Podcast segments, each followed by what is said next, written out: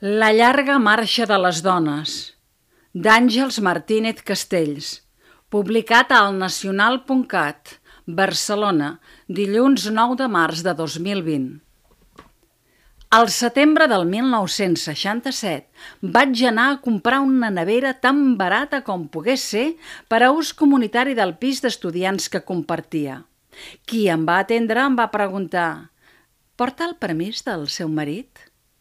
La meva cara li devia deixar ben clar que no en tenia res. Calia tenir marit per comprar la nevera més petita i rònega del mercat? No n'hi havia prou d'haver treballat saltant-se els límits des dels 12 anys? De sobte, massa paraules d'indignació amuntegades a la gola em varen deixar callada i vaig marxar. De fet, no era tan estrany. Les dones de la meva generació veníem encara marcades pel Fuero del Trabajo de l'any 1938, que aspirava a fer fora la dona del mercat laboral. Com a mostra, qui ho diria, la Ley de Contratos de Trabajo de 1944 obligava a presentar l'autorització marital per al treball assalariat de les casades i, si l'home signava, podia rebre el salari íntegre de la dona. L'any 1961, després del Pla d'Estabilització de 1959, una suposada Ley de Derechos Políticos, Professionals i de Trabajo de la Mujer va mentir sobre no discriminació en els treballs entre dones i homes. De fet, representarà una consolidació del model laboral patriarcal que caracteritzarà el desigual capitalisme estatal amb una diferència de sous del 30% pel mateix treball, ocupació molt més precària i supervisió masculina de la feina. Els pesats sostres de vidre que perduren. Tot i que la llei parla de drets professionals, s'intentarà apartar les dones casades del mercat laboral, fent que tant les empreses privades com el sector públic atorguin una dot com a indemnització coaccionadora en el moment de casar-se, sempre que les núvies deixin la feina. I fins al 1975 no desapareixerà del Codi Civil i de Comerç l'autorització marital per signar un contracte laboral o exercir el comerç. Amb la mort física del dictador, les reivindicacions de les dones prenen relleu al costat de les lluites obreres i veïnals. Vàrem començar a fer-nos sentir convidant amb ritme sincopat i molta alegria al rostre que les veïnes ens acompanyessin al carrer. El problema és de totes, cridàvem, mentre començàvem a exigir el dret a l'avortament, la legalització del divorci, tot i que les condicions laborals i el model econòmic el feien massa sovint inviable, i la despenalització de l'adulteri. Vèiem el món per un forat. Les nostres lectures cabien en una sola prestatgeria, però endeminàvem que hi havia tot un món feminista per construir i descobrir i pel qual valia la pena jugar-se-la. A les primeres jornades catalanes de la dona de maig del 76 hi vàrem assistir 4.000 dones que ho volíem tot. Però tot just començàvem. Calia avançar en sexualitats, en obrir la mirada cap a les servituds de les dones d'altres cultures i fer dels seus progressos emancipadors un actiu comú de totes. Sabíem per Simone de Beauvoir que la dona no neix, es fa, però ignoràvem fins on podíem arribar fent-nos en igualtat, tot i que ens hi va ajudar que una tesi doctoral, la de Kate Millett, el 1970, ens parlés de sexual politics.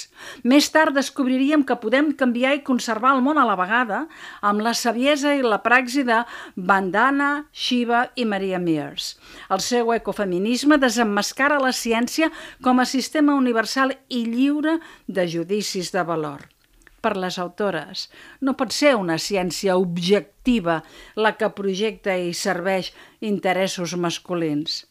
I aviat moltes altres dones, amb elles, denuncien la medicalització del part o l'apropiació privada de la natura i la canalització de la investigació per a benefici de les multinacionals el gran negoci de les patents desposseeix comunitats senceres, però ho paguen sobretot les dones. La denúncia del viatge de gènere arriba a la salut per descobrir que fins i tot els símptomes d'infart són diferents en dones i homes i que les dones ens morim més de malalties cardíaques perquè en sabem menys i se'ns ha investigat molt poc. I comencem a veure i analitzar en plural i de forma globalitzada l'aigua, les llavors, la natura, amb microscopi de lents de color violeta.